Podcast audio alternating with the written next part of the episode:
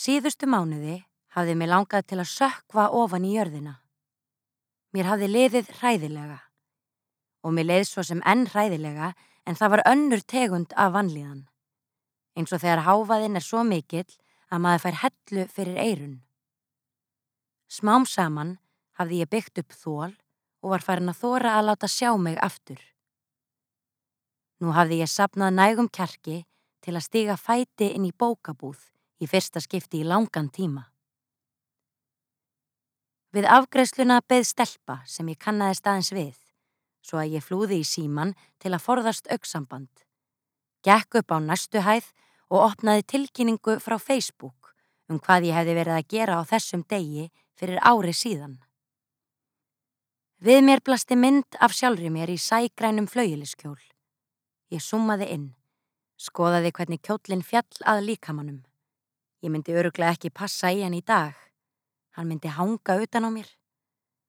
Hafði ég losað mig við kjólinn eða tíntonum í flutningum? Ég myndi það ekki. Vissi bara að ég hafði ekki notað hann síðan í útgáfuhófinu. Þegar ég summaði út, sá ég að myndin var emmi tekin þar. Síminn var ekki bara að minna mig á hvernig ég hafði næstum fallið saman á síðast ári. Hann var líka að minna mig á að í dag var eitt ár síðan bókin mín kom út. Ég hallaði mér að næsta borði og reyndi að anda þingslunum út. Fletti í gegnum þykka myndlistasögubók því ég vissi að það væri öruglega eitthver að fylgjast með mér. Ég fletti hratt, horði á málverkin renna saman en staðnæmtist einhverja hlutavegna í miðri bók við mynd í hollenskum gullaldarstíl. Þetta var málverk eftir Rembrandt. Karlmenn hafa klifrað upp í stiga og bera Jésu niður af krossinum. Líka með Krists verðist þungur og fullkomlega lífana. Útlimitnir hanga. Húðin er föl en glóir samt í myrkrinu. Þegar ég lokaði bókinni heyrðist lágur dingur og þá voru þingslina mestu horfin. Ég kom mér fyrir á kaffehúsið þarna á efrihæðinni, tók upp rándýra mólskinn stílabók sem ég hafði keift gegn betri vitund og strauk fingrunum yfir papirinn. Hann var gljúpur, eitthvað veginn tilbúin að soga í sig allt sem ég hefði að segja. Eftir að bóki mín kom út hafði ég samt ekki haft neitt að segja. Ég var hól. Tilfinningin sem hafði runnið óhindruð gegnum mig þegar við Benny vorum saman, hún var þortnuð upp. Ég sá stundum fyrir mér djúpa og hættulega jökulá eitthvað staðar á hálendinu. Beljandi á sem þortnar og breytist í rík á örskott stundu. Myndin var tilbúningur. Áinn var ekki til. Ég þekkti engar ár á hálendinu. Mér fannst ég heimsk að hugsa svona. Mér fannst ég heimsk að hafa aldrei ferðast um Ísland, en samt fannst mér ég hafa komið á þennan stað. Myndin var svo skýr. Hún vakti alltaf eitthvað dölarfullt innra með mér. Áinn, tómt landslag, þjætt rygg. Eins og það merti eitthvað sérstakt. Væri tákn. Ég fann hvernig strákurinn á næsta borði gjóaði til mín augunum.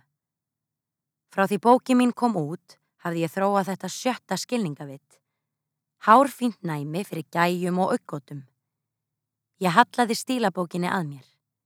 Vildi ekki að strákurinn sæi hvað hún væri tóm. Stelpan í afgreslunni hafði sömuleiði skotið til mín augunum. Samt frekar vinalega, eins og hún væri með mér í liði. Fólk var alltaf svo augljóst. Þetta var nákvæmlega svona hvar sem ég fór.